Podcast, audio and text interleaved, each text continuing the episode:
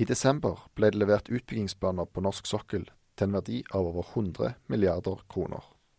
Sånne planer heter formelt Plan for utbygging og drift av petroleumsforekomst, og blir ofte forkortet til PUD. Totalt mottok Olje- og energidepartementet ti sånne planer i 2017, en dobling fra fem året før.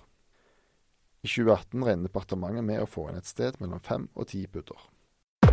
Rettighetshaverne i lisens plikter å levere en sånn plan til myndighetene før en utbygging kan starte og et felt settes i drift.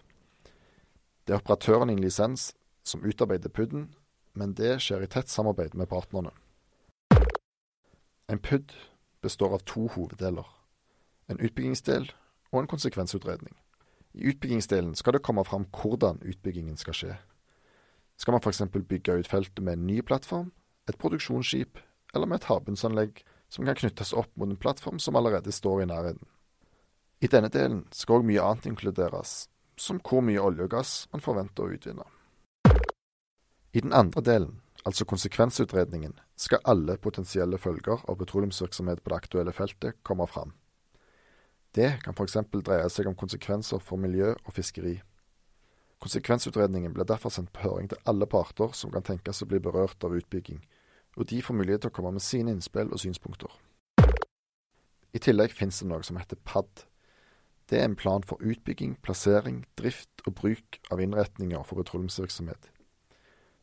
I forbindelse med Johan Sverdrup-utbyggingen er det f.eks. levert PAD for eksportrørledninger for olje og gass, og for elektrisk kraft fra land til feltet.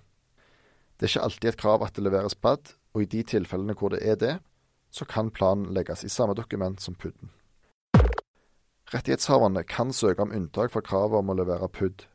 Det vil imidlertid nesten bare være aktuelt hvis utbyggingen gjelder mindre forekomster i et område som allerede er bygga ut, og der en eksisterende installasjon kan brukes til produksjon. Når utbyggingsplanen er levert, starter myndighetene arbeidet med å behandle den. Olje- og energidepartementet har ansvar for å koordinere dette arbeidet, men behandlingen skjer i samarbeid med Oljedirektoratet, Petroleumstilsynet og Arbeids- og sosialdepartementet, som er ansvarlig departement for Petroleumstilsynet og dermed sikkerheten på norsk sokkel. I saker der gassinfrastruktur inngår, involveres òg Gassco. Olje- og energidepartementet kan godkjenne en utbyggingsplan uten å gå via Stortinget, men bare dersom de samla investeringene ikke er høyere enn 20 milliarder kroner, det ikke finnes prinsipielle eller samfunnsmessige sider av spesiell betydning, og at planen har en akseptabel samfunnsøkonomisk lønnsomhet.